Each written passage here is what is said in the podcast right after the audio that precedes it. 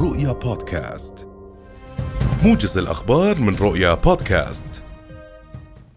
قال مستشار رئاسة الوزراء لشؤون الصحة ومسؤول ملف كورونا الدكتور عادل بلبيسي إن المملكة لم تدخل موجة جديدة من كورونا حيث أن الأرقام المسجلة أسبوعيا في المملكة لا تستدعي الخوف والهلع وذلك مقارنة مع الموجات السابقة.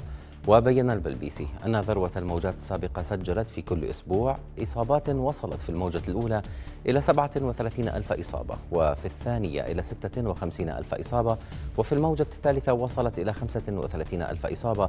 أما الموجة الرابعة والأخيرة فكانت ذروتها 135 ألف إصابة وأغلبها من المتحور أوميكرون.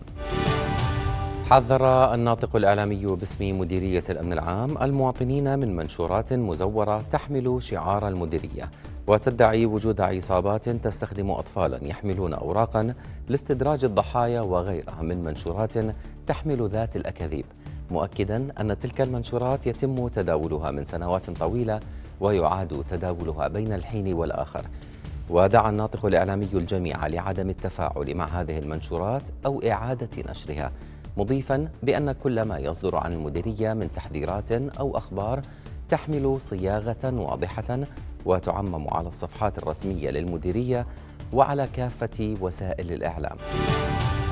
قال الناطق الإعلامي لوزارة السياحة والأثار أحمد الرفاعي قال إن المواقع السياحية والأثرية في الأردن شهدت حركة سياحية نشطة خلال عطلة عيد الأضحى المبارك وأضاف الرفاعي أن عدد زوار المواقع السياحية والأثرية في مختلف مناطق المملكة وصل إلى قرابة 74 ألف سائح أردني وأجنبي. وبين الرفاعي أن هناك إقبالا كبيرا على المشاركة ببرنامج أردننا جنة الذي تبدأ فعالياته اليوم. توقع رئيس جمعية مربي المواشي زعل الكواليت انخفاض أسعار اللحوم في الأردن خلال الأيام القادمة خاصة المستوردة منها. وقال الكواليت أن انخفاض أسعار الأعلاف عالميا وتراجع قيمة اليورو بالإضافة إلى توفر المواشي بكثرة في السوق سيساهم في انخفاض الأسعار. وبين أن الأغنام المستوردة خاصة الرومانية والإسبانية شهدت إقبالا كبيرا من المواطنين وبنسبة وصلت إلى 70%.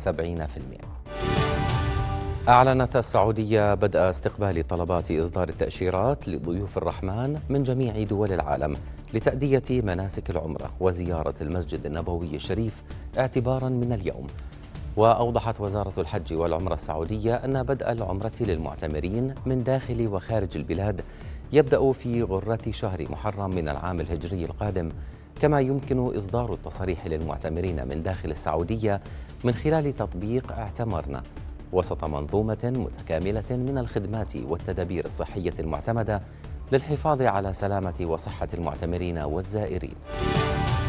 اقتحم عشرات المستوطنين اليوم باحات المسجد الأقصى المبارك الحرم القدسي الشريف في مدينة القدس المحتلة.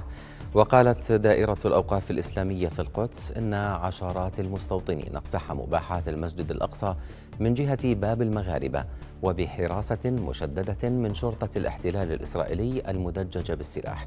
ونفذوا جولات مشبوهة وأدوا طقوسا تلمودية استفزازية عند المنطقة الشرقية من المسجد الأقصى وسط حالة من الغضب والغليان سادت في المكان. ويأتي ذلك مع إجراءات مشددة تفرضها قوات الاحتلال الإسرائيلي تزامنا مع زيارة الرئيس الأمريكي جو بايدن إلى الأراضي الفلسطينية المحتلة. يوقع الرئيس الأمريكي جو بايدن اليوم في ثاني أيام زيارته إلى المنطقة. مع رئيس وزراء الاحتلال الإسرائيلي يائير لبيد يوقع اتفاقا مشتركا أطلق عليه اسم إعلان القدس. وقال مسؤول كبير في الإدارة الأمريكية إن الاتفاق سيوسع العلاقة الأمنية طويلة الأمد بين الولايات المتحدة وإسرائيل على حد وصفه مضيفا أن هذا الإعلان مهم للغاية ويتضمن التزاما بعدم السماح لإيران مطلقا بامتلاك سلاح نووي والتصدي لأنشطتها المزعزعة للاستقرار. وبالعودة إلى الأخبار المحلية حيث ينهي طلبة الثانوية العامة بعد قليل امتحان الرياضيات في الورقة الثانية.